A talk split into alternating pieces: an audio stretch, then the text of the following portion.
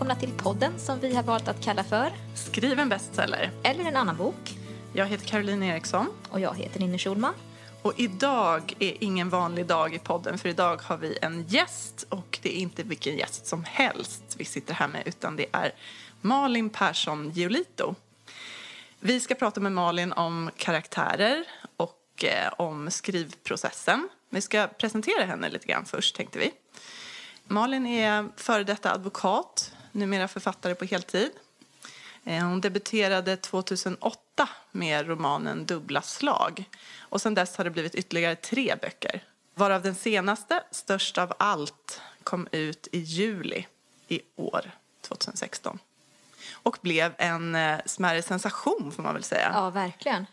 Otroliga recensioner. Utsedd till Årets deckare av Svenska Deckarakademin.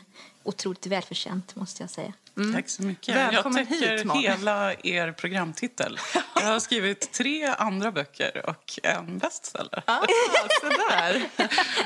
Det. Ja, men vad härligt. Jättekul att ha det här verkligen. Vi har sett fram emot det så mycket. Mm, jag också. Så varmt välkommen. En trogen lyssnare. Ja, Underbart. vad kul. Ja.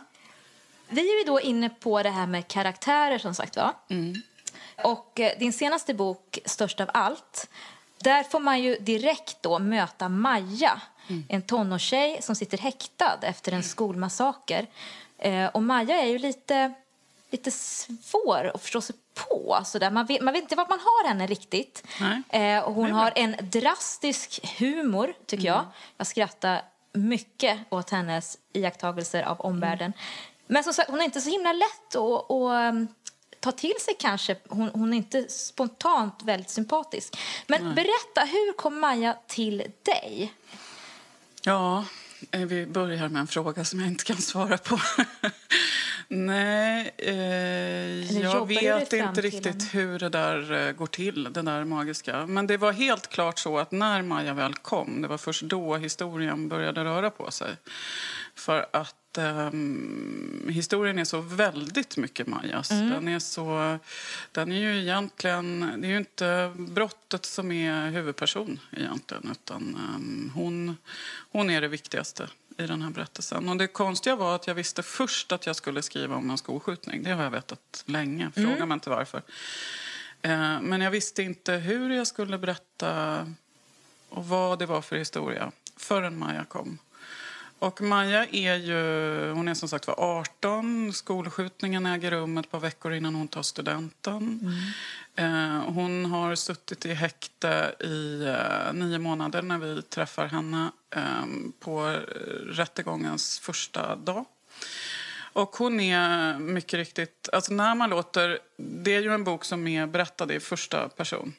Så det är hennes perspektiv och det är hennes perspektiv enbart som berättar historien. Så att det här med att hon är en svår person att förstå sig på det är ju en avgörande eh, nyckel till hela spänningskurvan, eller vad vi ska säga. För att hade, hade hon varit enkel att förstå sig på, då hade ju boken dött redan i, i första kapitlet. För det är ju bara... Eh, jag brukar säga det, att grips du inte av eh, Maja så är boken helt eh, meningslös. Då kommer du aldrig förstå varför någon tycker liksom, att det här var något att läsa. Hon är ju ganska eh, komplex, uppfattar jag henne som. Vad är din bild av henne? Alltså, hur skulle du beskriva henne? Ja. Hon är komplex för mig också, samtidigt som hon är ju... Alltså det som är mest förvånande för mig det är att hon är så verklig. Jag har alltid tyckt att det har varit lite fånigt det där med författare som går omkring och säger att mina, mina karaktärer blir som verkliga människor och det är mina bästa vänner eller liksom hon lever vidare eller han... Eh, jag undrar hur han har det nu för tiden och sådär. Jag känner att ja, men alltså, det känns ju ändå lite fånigt. Men med Maja är det liksom annorlunda kan jag tycka. Jag, jag har eh, till exempel hemma material om henne som inte hamnade i boken. Och som, eh, så jag vet liksom mycket om Maja som inte ens hamnade i boken. Men hur jobbar du fram till henne? Ja, det tog ju tid. Alltså, det var ju väldigt mycket att hitta liksom hennes... Och, för då tror jag man kanske ska prata om... Jag tror att det är ett bra tillfälle. Hur hittar man karaktären? För jag är ju, tror ju så här att man ska... man måste förstå sig på en sak när man skriver och det är att karaktärer, och jag tror att det var det som Anna Fredriksson som var här, hon kom in på det, att karaktärer eh, formas väldigt mycket av den konflikt som du försätter dem i. Mm. Och det här är liksom avgörande, i synnerhet för eh, spänningslitteraturskrivande. Men även eller över, karaktärsbaserat skrivande ska jag säga. För, att, för det är just, alltså det där har jag funderat mycket på. Folk har en eh, förmåga att tro att man ska förklara sina karaktärer hur de är, vad de har för personlighet, vad de, vad de eh, alltså, och nu hårdrar jag vad de tycker om för mat, eh, vad de liksom gillar för typ av inredning eller sådär. Och det där är ju extremt sällsynt som det egentligen säger någonting om personen. Det är bara att se på sig själv. Jag menar, är man tillräckligt hungrig då kommer man att tycka att blodpudding är det mest fantastiskt goda man någonsin har ätit trots att man egentligen är vegan. Mm. Och, och, det där, för det handlar ju om att försätter du den där veganen i situationen att eh, hen har svultit på en öde ö i liksom tre veckor, ja men då ändras just den där. Ja. För det har inte med Alltså det, och det där är ju egentligen mycket mer intressant. Alltså jag har ju svårt att säga, skulle någon fråga mig vad är du för person? Jag menar, mm. jag har inte, alltså, nu är jag ju extremt illa terapeutad, det påpekar alla. Jag får ju så här, terapilektioner av min syrra i födelsedagspresent. Så, så, så jag är väl väldigt, eh, kanske men det har inte, alltså jag kan inte, det är väldigt få personer som jag kan säga liksom, så här är den personen. Mm. Eller, och då kan man ju inte förvänta sig att jag ska kunna... Eller det är ointressant egentligen att säga det om en karaktär som man ska försöka skildra så. Men det kan ju vara så... Hittar man... Äh, samtidigt så är det, det här är liksom en sanning med modifikation. För att samtidigt kan det ju vara så att du kan tycka... Maja får ju ge väldigt många hon sammanfattar ju folks karaktärer mm. så på en mening. Det är mm. liksom hennes, mycket eh, träffsäkert. Mycket ja, men mycket och så. sarkastiskt. Ja. Och Verkligen. Och det där kan ju vara så, alltså hittar man dem där som, alltså jag vet att, för nu går jag ju och funderar så där, så att nu håller jag ju på och samlar stoff även fast jag inte liksom har börjat skriva riktigt än. Men jag gick i skogen någon dag och så bara tänkte jag, ja, behöver inte prata, men någon så karaktär om att, uh, hur var det nu då? Jag ska se om jag kommer ihåg det. Hon vill ha fred på jorden, mjölk i kaffet och får hon någon gång ligga så vill hon vara underst. Och det där var så, alltså det är så liksom, då vet du vad det är för typ ja. av människa. Ja. Ja. Eh, men det säger egentligen mer och det här är det andra då som vad gäller Maja. För när Maja, det här är ju inte ett omdöme som hon ger om någon utan det här är något som jag tänkte om en, en karaktär som jag går och funderar på. Men men när hon ger sina omdömen om hur folk är, han är en sån där um, fläskkotlett och mosa potatisen i såsen typ och sådär. Mm. Då säger ju det mer om henne mm. än vad det säger om den personen mm. egentligen. Och det där tycker jag man ska använda sig av alldeles för lite. Och ska man använda sig, för att problemet är ju att uh, när du berättar en historia i jag-form då blir det ju ännu mer problematiskt när du börjar liksom beskriva den personen i någon sorts... Liksom, hon så, eller jag, jag tittar mig i spegeln och uh, upptäcker... Uh, idag har jag uh, ledsna ögon. Jag menar, det funkar ju inte. Det är så här, det, hon måste utmejslas genom hur hon ser världen. Mm. Egentligen inte ens hur världen ser henne. Utan, eh, ja, och det, där, det där tycker jag är väldigt, eh, väldigt spännande. Så att man försätter henne i en konflikt. Mm. Alltså vad jag gjorde var när jag, för det var det som var frågan. Ni hör, jag är mm. jätteduktig mm, på att svara det, på frågor. Ja. Men nej, vad, hur kom hon till mig? Liksom, hur utvecklades hon? Och det handlade väldigt mycket om att bestämma bit för bit vad, när vi lärde känna henne. Som jag var ju tvungen, en sån nyckelgrej var att hon, hon sitter ju i häkte ganska länge. Mm. För det är ju nödvändigt att hon inte befinner sig i akut chock när hon börjar berätta om det här. För att då hade hon ju låtit på ett helt annat sätt. Mm.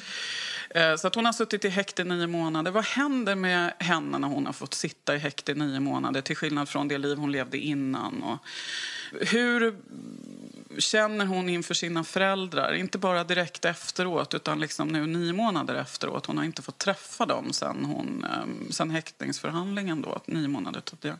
Och sin syster. Och sin syster. Mm. Alltså det, där är ju ett, ja. det där är ju egentligen ett billigt knep. Uh, att uh, plocka Men det är bra. in... Det är ja, bra, funkar. funkar. För det är också så här, du måste... Hon är ju en ganska hon behövde nog det. Ja, hon precis. behöver ju definitivt en mm. syra, mm. en lilla syster mm. som är jätteliten. Hon mm. är ju, barn är alltid bra att mm. slänga in i den emotionella. Den sådär, om du vill göra någon eh, eh, lite mer empatisk så är det ju... Alltså om du vill visa att hon faktiskt inte är helt empatilös på ett tidigt stadium när läsaren går och funderar på är denna människa helt eh, empatilös till exempel, mm. ja men då slänger du in då Lina. Mm som väl är fem år eller nåt. Eh, och en eh, väldigt stark och komplicerad kärlek till den här femåringen. För det är ganska lätt att, särskilt på håll, alltså med lite avstånd, ja, ja, ja. älska en femåring reservationslöst. Mm. Ja, och, längta. Att, och längta. Mm. Jag tycker det här är jättespännande att liksom dröja sig kvar i ändå det här att hon inte är Maja en eh, liksom rakt igenom, eh, om vi ska säga, god karaktär. Mm. Alltså, vi vet ju inte vad vi har henne och det är Nej. precis som du säger, det har ju att göra med dramaturgin mm. i, i den här historien. Mm. Vi, vi, vi, vet inte riktigt mm. vilken del hon har haft i den här skjutningen. Men det gör också att man, ja, man ser ju henne genom då, ja, det är hon själv som, som berättar. Mm. Kände du någon gång just därför att det fanns en risk eller att det var att det gjorde det svårare, att det blev liksom en speciell utmaning då?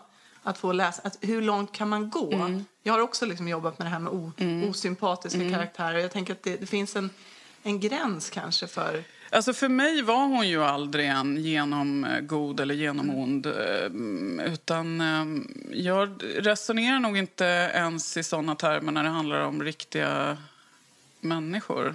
En vanlig missuppfattning bland, vad ska vi säga, sämre författare recensenter och eh, en del läsare är att karaktärer ska vara, pratas om, eh, ska vara som riktiga människor. Alltså, det finns Aristoteles och han har ju skrivit um, om diktkonsten, tror jag den heter på svenska.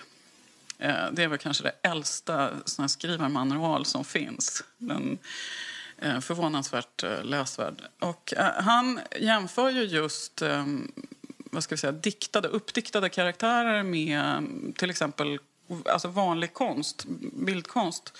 Det är ju aldrig så att du väljer att måla ett porträtt av någon och försöker få det så verklighetstroget som möjligt. Inte ens fotografier ger en verklig avbild i någon sorts tredimensionell emotiv mening. Utan du väljer att eh, skildra den personen även om det skulle då råka finnas liksom en verklig förlaga på ett visst sätt, utav ett visst skäl. Och det är det som är själva konsten.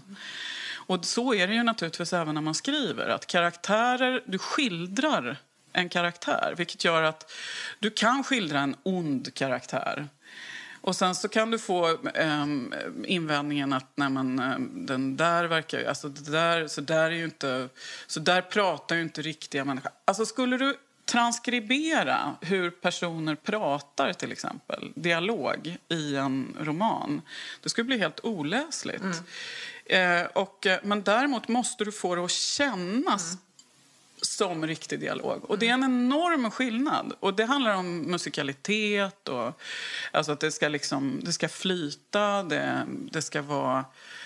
Det ska finnas, liksom. Vi kan prata om hur Maja pratar till exempel. Jag har fått mycket intressanta kommentarer om, alltså väldigt positiva. Sådär, mm. Att Maja pratar precis som ungdomar gör och tonåringar har hört av sig till mig och så här är det, det är precis som tonåringar pratar. Och det är det ju inte. Däremot är det har jag lyckats få det att låta precis som Maja pratar. Och då går alla på det. Det där är själva liksom konstelementet i det man gör när man inte Alltså, man försöker inte beskriva en riktig person. Det är klart man kan göra, det finns ju experiment med det också när man just transkriberar riktig dialog och sådär. Eh, det blir sällan speciellt eh, läsvänligt, men, men eh, det finns ju sådana experiment och det är naturligtvis, det kan ju vara liksom en, vad ska vi säga, en konstexperiment i sig som säkert har något värde som inte jag eh, som är bortom oss. Nej, men, eller hur? Absolut. Så måste det naturligtvis vara. Det är liksom konst, själva poängen är att den kan ju se ut precis hur som helst såklart. Men, men om, man, om man pratar om den här typen av konst så handlar det väldigt mycket om att eh, liksom mejsla fram en karaktär och bestämma sig för hur man skildrar den karaktären och hur den framställs och uppfattas. Mm.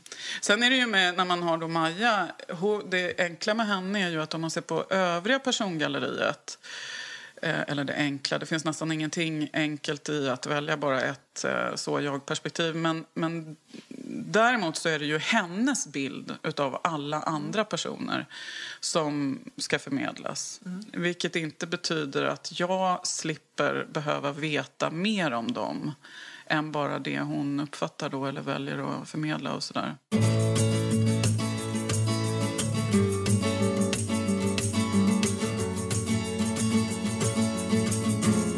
jag är ändå jättenyfiken att höra mer om hur du liksom zooma in henne på mm. något sätt. Eh, var det att du hörde någon prata på något visst sätt eller var det någonting, alltså hur, hur för att det verkar som att det var en ganska lång process. Hon dök inte bara upp pang. Nej, så, utan du fick jobba dig in mm, i det. Men verkligen. vad var det som fick henne att, nu lever hon? Vad, ja. Förstår du vad jag menar? Någon, någon, liksom... ja, det var ju när jag hittade det här eh, liksom, eh, sarkasmen hos henne. Ja. Och det är väl, eh, alltså allt, allt måste ju passera genom mig. Jag vet att min syster frågade liksom, vem är Maja? Och då sa jag, jag tycker hon är ganska lik dig. För hon har så krass... Hon bara, Malin, jag kan, inte bara, jag kan inte läsa den här. Jag bara hör din röst hela tiden. Så det är väl den då... Mm, alltså jag tycker ju... Det där är, det är alltid så. Men det är klart att hon ligger närmare mig, skulle jag vilja påstå. Alltså utöver konflikten. Jag har ju mm. aldrig försatts i en sån konflikt, så att vi är ju väldigt olika då. Eh, på väldigt, väldigt många olika sätt. Men hon, jag har inte heller försatts, liksom, jag har aldrig varit ihop med Sveriges, sonen till Sveriges rikaste man och sådär. Jag har liksom inte... Men hon, hon får ju... Alltså jag fick ju släppa på bromsen, det fick jag ju. Mm. När jag väl liksom lät henne börja leva i huvudet. Då var det ju speciellt att sitta på sina egna sådär parmiddagar och ha Maja på axeln och alla, alltså man... Ja, vad hon skulle ha ja, att säga. Vad hon skulle ha att säga och sådär. Och Åsa Larsson då, som jag ju har ett liknande författaräktenskap med som jag tror att ni två har. Ja. Då, hon, eh, hon brukade fråga mig, sen när man såg någonting fånigt, och man, vad skulle Maja ha haft att, sagt, haft att säga om den saken? Och jag visste alltid det. Och det var alltid ganska roligt. Det var, det var liksom som en som en sarkastisk tonårsversion, eh, ganska olycklig tonårsversion av mig själv. För hon är ju olycklig. Mm. Ja. Såklart. Men man får en känsla av att du som författare haft ganska kul när du har ja, sett de här iakttagelserna. Ja, nej, men man brukar ju prata om eh, att man måste ha någon comic relief när man skriver om riktigt, riktigt tunga mm. ämnen. För att annars så tappar man liksom läsarna eller lyssnarna då. Mm, eller tittarna om det är så att det pratar om film eller något sånt där. Men för mig var det lite så comic eh, writers relief. Mm. För att eh, det är ett väldigt tungt ämne åt alla håll och kanter. Så att, att hon åtminstone fick vara den där Alltså hon är ju så politiskt inkorrekt. Det är ju det som är så fantastiskt med henne. Hon säger ju bara precis vad hon tycker och känner. Och och det får ju hon göra eftersom det här är ju en monolog. Hon drar ju den. Hon är ju helt ointresserad av, liksom, hon har ingen... Um, hon är ju inte medveten om att det sitter en läsare då som någon sorts domare i skranket uh, precis som i den här rättegången som hon går igenom mm. och dömer henne. För det är ju Alltså det är ett par recensenter som har uppmärksammat just det där. Och det är en av de få sakerna som, som jag ju har varit någorlunda medveten om när jag har skrivit. Just det här att, att ramen för berättelsen är rättegången. Och den dramaturgiska kurvan, det vill säga vad som ska liksom väckas i läsaren det ska också påminna om vad man förväntar sig att domstolen ska gå igenom mm. innan de kommer fram till om hon då är oskyldig eller skyldig eller om hon ska, alltså, vad hon ska dömas för och vad ska hon, vad ska hon anses vara ansvarig för och sådär. Um, och det, var ju, det är ju väldigt roligt då att eh, det finns de som tycker att det har lyckats. För det är precis det det handlar om. Läsaren blir liksom domare. Mm, man kastas ju fram och tillbaka ja. genom, ja. genom berättelsen.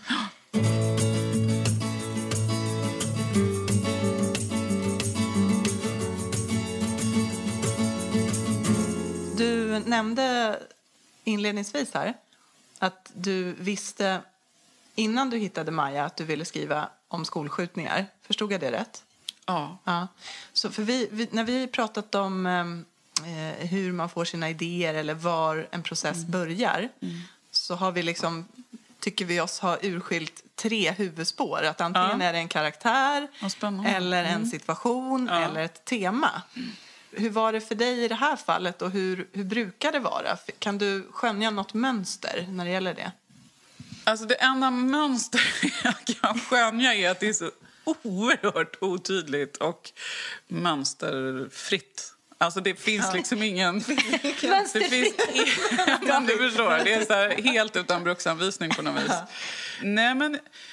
Men hur var det i det här fallet? Då? Ja, men jag, vet ju, alltså jag vet ju att ingången var eh, det här med skoskjutningar. Jag kunde liksom inte släppa att jag vill skriva om skoskjutningar. varför vill jag det då? Vad är det liksom i det där? Jag tror att det handlar om att jag ofta det som är mönster, om man ser på, om man kan hitta något mönster i tre böcker då, det är ju att det alltid handlar om antingen helt nya vinklar på väldigt vanliga brott. Eh, det vill säga de, de är så vanliga så att de får nästan ingen plats i spänningslitteraturen, det vill säga barnmisshandel till mm. exempel. Mm. Alltså ett vardagsbrott låter ju hemskt men det är ju liksom ett av de där brotten som försiggår mörkertalet är säkert enormt. Vi har ingen koll på eh, hur det egentligen ser ut och vilka som är de egentliga förövarna och lite sådär. Så det var första boken. Sen andra boken är ju ett ganska klassiskt och ganska uttjatat i spänningslitteraturen, nämligen ett klassiskt sexualmord på en ung flicka hon är väl 16 tror jag. Men det är ju inte det som är grejen utan grejen är resningsprocessen emot den som dömdes för brottet då för 11 år sedan. Så det är också lite sådär... Eh, ja, för att den här barnmisshandeln, det handlar ju egentligen inte om barnmisshandeln utan det handlar om processen som sätts igång mm. när man konstaterar att ett barn far illa. Och sen då den här skolskjutningen är ju ett väldigt ovanligt brott. Eh, det gäller att komma ihåg det. Alla påpekar att det är ju väldigt aktuellt just nu, är det väldigt många som säger. Mm. Och jag tänker att jag, alltså det är ju inte för att det har hänt några gånger i USA som det är så att men det är ett speciellt brott för att det, är ganska, det finns en typisk gärningsman som är väldigt atypisk. Han ser inte ut som gärningsmän normalt sett brukar se ut. utan Han är ofta vit medelklass, eh, kommer från hyfsat eh, eh, ordnade förhållanden och, eh, och lite sådär. Och det där fascinerar mig. Det här, och sen fascinerade skolmiljön mig. Och så är det ju någonting med barnen då som jag mm. borde ta upp med den där terapeuten som jag aldrig går till. Men... Ehm, men skulle du säga att du drivs av någon, alltså i, i ditt skrivande, av någon form av socialt eh, patos eller en vilja att, att säga någonting, skildra samhället, eh, frågor som känns viktiga? Finns det en ja, sån aspekt? Ja, det, gör, alltså det, ser man, det är i alla fall så att det blir så. Mm. Och jag är ju en politisk person. Men vad jag tror att det, alltså jag vet att det slog mig, kom jag på just nu, det slog mig för ett tag sedan att jag ju väldigt mycket behandlar rättssystemet som liksom min religion. Alltså det är som om att jag skriver, för jag är ju som sagt var gammal advokat. Och i alla mina böcker, även den första, så är ju advokaten en eh, bärande gestalt. I, även i Majas fall så är ju liksom den enda person hon träffar under de här nio månaderna är ju hennes advokat. Förutom då personalen på häktet. Men så att advokaten och rättssystemet och, och de regler, de grundläggande rättigheter som vi har, kallar dem mänskliga rättigheter om du så vill, det är ju mina tio Guds bud. Så det är ju liksom det jag tror på. De är ju människoskapade på samma sätt då som jag anser att eh, tio Guds bud är det.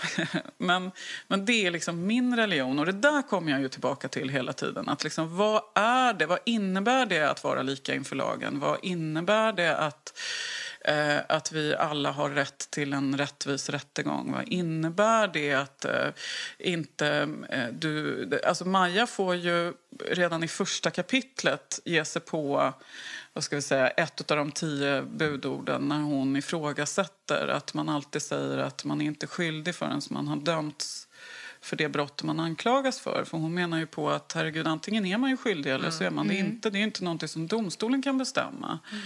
Och, och inte heller um, undanröja. Om det är så att du är skyldig, även om du blir frikänd så är du ju fortfarande skyldig. Och det där var ju fantastiskt spännande för mig. Eh, att, för att jag tar ju de där tio Guds, bu, Guds budord för givna. Jag ifrågasätter inte dem, för de är liksom fundamentet för hela min uppfattning av hur samhället måste se ut. Mm. Och så låter jag Maja ifrågasätta dem och det är då det händer någonting. Så det är något, det är något sånt där. Jag återkommer hela tiden till det där.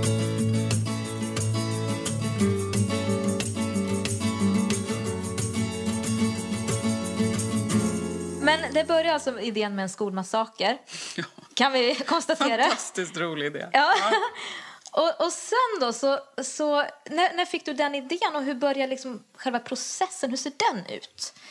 Nu måste du fortsätta prata väldigt länge. Ja, just det. Nu äter Malin lite lussebulle här. Så Men för, för då kanske man kan få här, lägga till en, jag tänker ja. också eftersom att, eh, för att bygga på din ja, fråga där, inte minst eftersom det, jag får för mig eh, att eller om jag har hört det eller läst någonstans att har, du har hållit på, du har mm. jobbat med boken under en ganska lång tid, fyra år precis. Så då är, då är det ju, um, då blir liksom den här frågan ännu mer intressant. Alltså hur har den här processen sett ut? Mm. Långsam. Nej, men har du skrivit, har du Nej, skrivit historien ju... flera gånger på ja, olika sätt? Jag skriver om i princip ja. allt hela tiden. Hela tiden ja, jag hela gillar tiden. att höra det här. Skriva, skriva om, skriva, skriva om, eh, slänga, skriva. Alltså Åsa Larsson då, som jag ju mm, pratar väldigt mycket om då. Hon säger att det finns akvarellmålare ja. bland eh, författare och så finns det oljemålare. Och, eh, Beskriv hur... Ja, nej, men det borde ju Åsa göra själv för jag är så jävla dålig på det här. Men hon menar att jag är en, en oljemålare. Det är liksom det ska göras om hela tiden. Du målar på och du mm. skrapar av. Då antar jag att man kan göra som oljemålare. Och, uh, målar igen och så här. Inte som någon härlig impressionist som bara sitter och duttar små prickar och så, så, liksom, och så blir det som det blir och så blir det helt fantastiskt och så får man hänga sina verk i Musée d'Orsay. Liksom. Nej. Nej, men så att, och jag vet, alltså ständigt varje gång jag ska börja på ett nytt projekt så tänker jag den här gången ska jag verkligen inte jobba så här. För det är så otroligt påfrestande att skriva, och skriva på det viset. Mm. Men det går ju inte. Jag så här, återigen, Åsa säger, det är bara att tugga i sig. Du måste skriva dig fram till hur du vill ha det. Jag håller på och byter perspektiv och byter, berättar. Alltså hela tiden.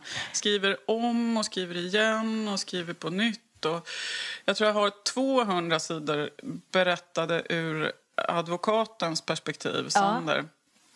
Som jag ju liksom var tvungen att få ur mig innan jag kunde mm. liksom återgå till att bara berätta den ifrån Sofia, nej, Sofia, Majas perspektiv. Um, Sofia är ju advokaten i de andra böckerna. Mm. Men, det är en omständig och ganska påfrestande och tidskrävande process det här med att man inte... Men däremot så blir det ju bra.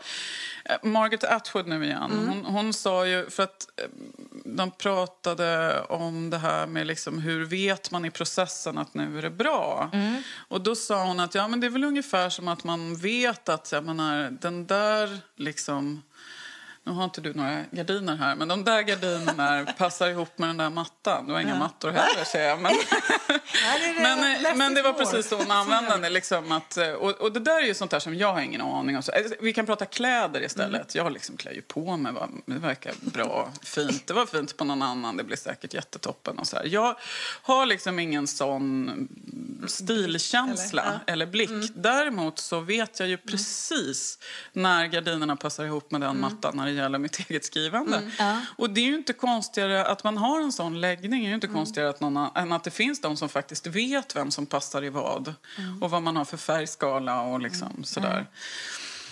Så det där tyckte jag om att höra. För det handlar ju om någon sorts form av gehör ja. för texten. Mm. Mm. Och det där går ju inte att träna sig till tyvärr. Antingen har man det eller så har man det inte. Mm. Och det är därför det ofta är så plågsamt att läsa sina första det, för, det man har skrivit för många, många år sedan. Och så där. Alltså man vrider sig i plågor. Man ser ju hur fruktansvärt dåligt det är. Men då, det, det... Och nu pratar vi inte då om publicerat Nej, material.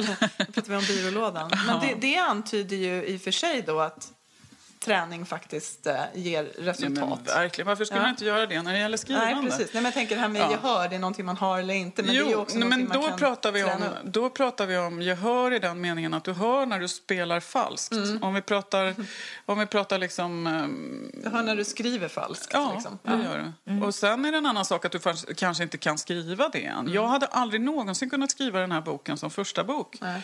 Jag hade inte det. Jag kunde inte skriva så här bra då. Mm. Och det är ju fullkomligt uppenbart att det är på det viset. Mm. Det är ingenting som någon tycker är konstigt i någon annan konstform. Men det är också så att uh, vissa kommer aldrig någonsin uh, att uh, ta sig dit. Men man får leva på hoppet. Nej, men nu pratar jag då även om mig själv. Till exempel. Alltså, det finns ju, skulle man kunna klara av att göra det här och skulle man kunna klara av att göra det här? Och så, det, finns, um, det gäller ju att... Men hur ser din, din um, inre process ut? Uh, vi brukar ju prata om hissen här i, ja, i vårt lilla podd. Det.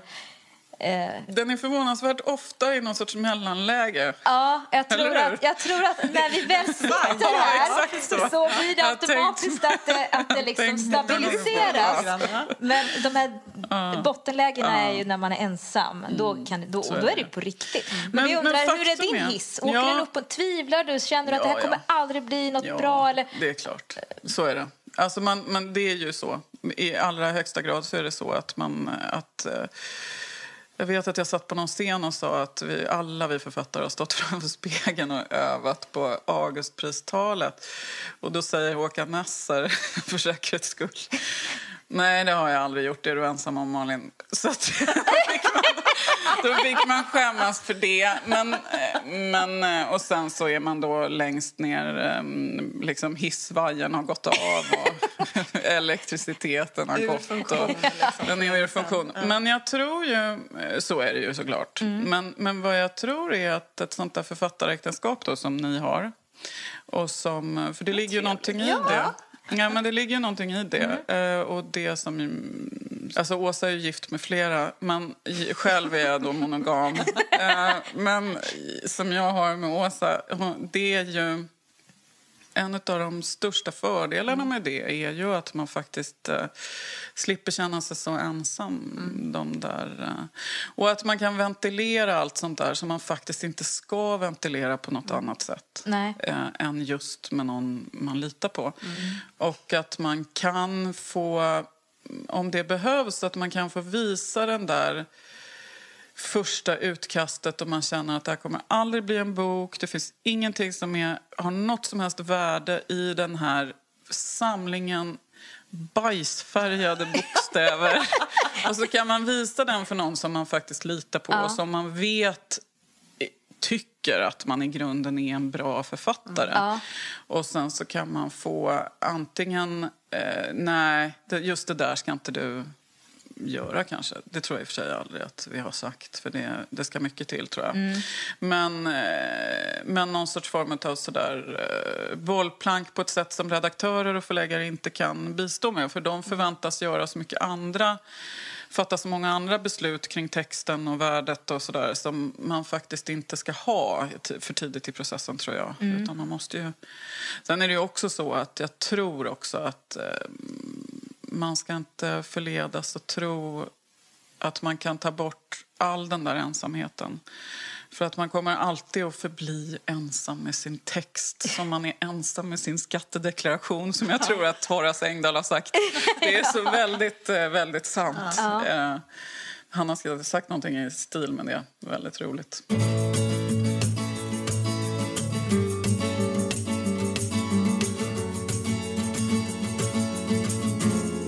Planerar du mycket i förväg? Eller liksom skriver du bara på och sen, eller har du också planerat, liksom strukturerat och gjort synopsis och såna här saker i förväg och så blir det ändå omskrivningar? Eller, ja. Ja. Alltså när jag kör fast, Tack. när jag kör fast, så här är det väl. Jag håller inte på med såna här eh, kataloger över hur personerna ser ut och hur gamla de är och sådär. Jag samlar snarare så citat. Om jag kommer på något som det där jag drog alldeles mm. nyss som om hon som eh, vill ha fred på jorden och mjölk i kaffet. Ja. Sånt kan jag samla. Så här, mm. För det säger någonting om det där jag vill komma åt. Och, det, och då kan jag hålla på, liksom, jag har ju mycket så mm, anteckningar och, som man river ut och lägger i små högar. Och jag samlade faktiskt ihop dem där och sätter upp på väggen ibland om jag kör fast riktigt mycket. Jag vet att jag satte upp på väggen inför den här boken så är den ju, eftersom ramen är baserad på äh, rättegångsreglerna, alltså lagtexten, den lagtext som styr äh, hur en process ska se ut, hur en brottsmålsprocess ser ut så, så satte jag upp liksom det på väggen. Att här, första dagen händer det och andra dagen händer det och tredje dagen händer mm. Alltså första veckan ser ut så här och andra veckan ser ut så här. Och sen är det ju en jättelång äh, rättegång så att, äh, den är ju nästan tre veckor lång. Och så. Och så här, där kommer domen någonstans. Och sen så, mm, bara för att ha det i huvudet och så höll jag på där med mina. Men det är ju mest när jag kör fast. Alltså mm. jag tror egentligen Eh, och, så det är inte någonting jag... Jag har gjort det. Eh, till den första boken var jag väldigt så strukturerad eftersom eh, den baserade jag på väldigt så basala regler för hur dramaturgi ser ut. Mm. Så första, andra, tredje akten. Det är liksom bara, du kan lägga Romeo och Julia eller eh, vad vet jag, eh, Hitta Nemo ovanpå den liksom, mm. strukturen och, mm. och, se exakt så hur den är uppbyggd. Och det är väldigt bra. Det, det, behövde jag ju. Till första var jag absolut beroende av det. För att det, liksom, det är så mycket att hålla i huvudet när man ska få ihop en hel roman. Och jag visste ju inte om jag kunde skriva en roman. Jag visste att jag kunde skriva men jag visste inte om jag kunde skriva en roman. Och det är en jättestor skillnad. Mm. Lena Andersson har ju sagt att, för det var någon som sa att uh, Tycker du, eh, nu för tiden blir ju alla författare, tycker du att alla kan bli författare? Och så sa hon någonting i stil med att jag, jag tycker nog att alla kan bli författare men det är väldigt få som kan skriva. det, hon, är, hon är fantastisk. Men, eh, och så. Mm, jag tyckte ju då att jag kunde skriva, men frågan var om jag kunde skriva en bok. Mm. Lite så. Det, det funderar jag fortfarande på inför mm. varje bok kan jag säga. Ja, men, kan vi inte ta den? Ja, liksom, på... ja, ja. nu ska du vidare. Ja, nu ska ja. jag vidare. Hur känns det? Ja, det känns väldigt bra. Alla frågar ju om mm. jag känner mig förlamad av liksom prestationsångest mm. för att nu eh, förväntar sig alla att liksom, och hur ska jag kunna ta mig från det här och sådär. Mm. Och då är det ju, dels är det ju så att det är ju faktiskt inte catcher in the rye liksom. Det är ju inte så att jag har, det är ju ändå en, eh, en framgång eh, som går att hantera. Väldigt eh, och som du härlig att hantera. Upp, kanske? Du har liksom ja, det är min fjärde ja. bok. Alltså, jag tycker ju, än så länge, det kanske, det kanske ändras. Alltså, den där, mm. När den där hissen mm. Eh, rasar kanske. ner och ja. hissvajern går, går, av då kanske jag bestämmer för att hänga upp det på att det handlar om prestationsångest och nu kommer jag aldrig mer att kunna prestera i nivå med det här och sådär. Vad vet jag. Man väljer ju att hänga mm. upp det på det man man vill ju gärna ha ett mönster för sin galenskap. Sådär. Men alltså, jag tror att jag vet eh, vem det ska handla om. Mm. Jag vet på ett ungefär vad kruxet är. Mm. Men jag vet inte riktigt varför, liksom det konkreta. Och det där, faktum är att jag har liksom inte något... Eh, Ja, men jag har, det är väldigt mycket lösa trådar. Här kan man prata om allt du vet. Ja, Släpp jo. fram det bara. Ja, eller hur? nej, men, eh, nej, men jag har lite så här härliga tankar om eh, vad jag ska försätta den här personen i för konflikt. Lite så. Ja. Du har börjat med en karaktär den här gången kan man säga. Ja, precis. Det lät så. Jag tänkte också.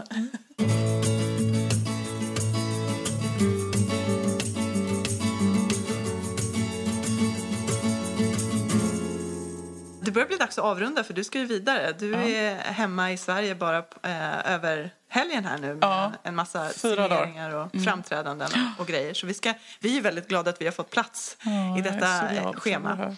Men vi tänkte vi, vi måste lyfta våra, våra lyssnare. Mm. Eh, och jag tror att många kanske då tittar och ser att här har vi en, en person som uppenbarligen har träffat rätt på något sätt. Du har ju verkligen fått till det med den här boken. Har du eh, något råd eller några som du skulle vilja avsluta med att ge våra lyssnare som, som är då kanske aspirerande skribenter, författare som, som undrar eh, om du har några tips till dem?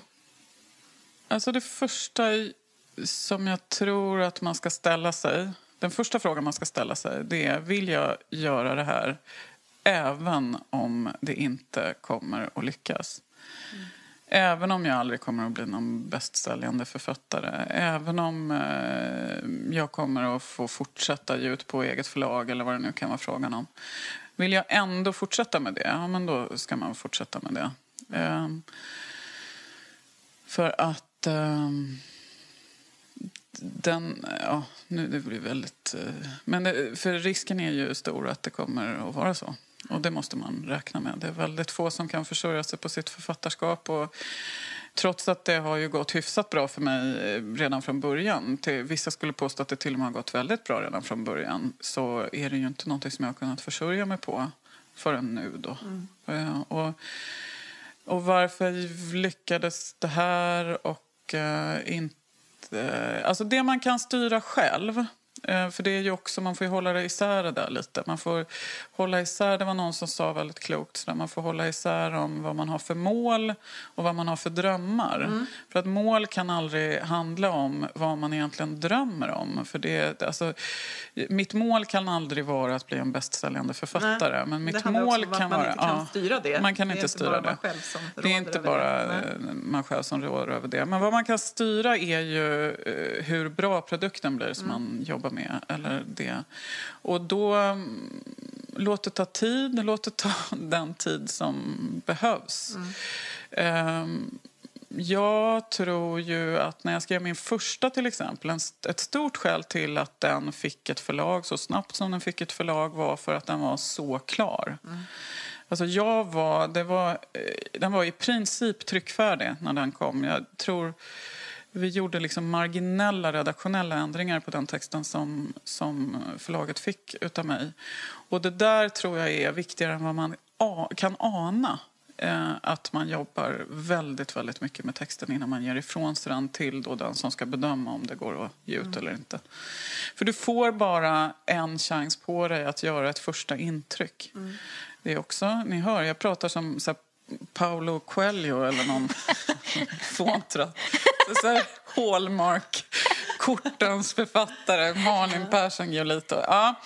Eh, vad var vi nu? Jo, sen så se till att göra allt du kan för att göra produkten så bra som den överhuvudtaget eh, går att få. Ehm, Skaffa dig hjälp om du tycker att du behöver det. Eh, antingen då utav någon som är ärlig och eh, gillar dig. Eller liksom professionell hjälp, vad vet jag. Det går ju att köpa sånt, har jag hört. Innan du ger dig i kast med att liksom leta förlag.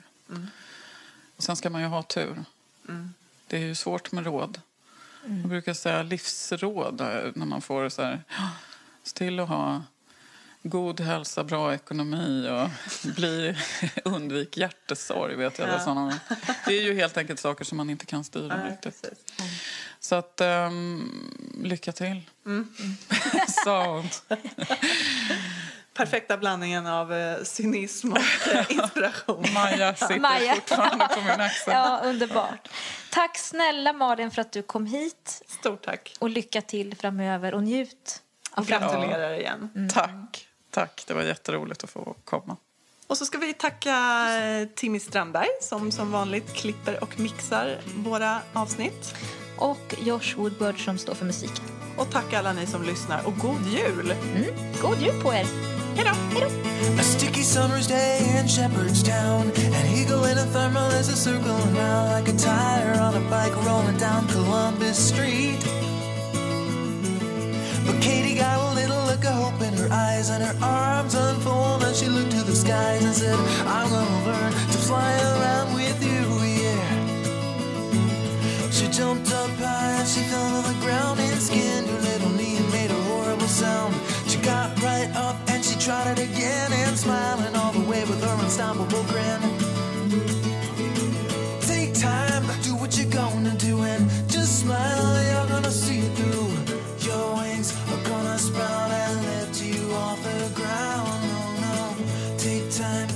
what you're gonna do. Just smile, you're gonna see it through. Your wings are gonna sprout and you will learn to fly.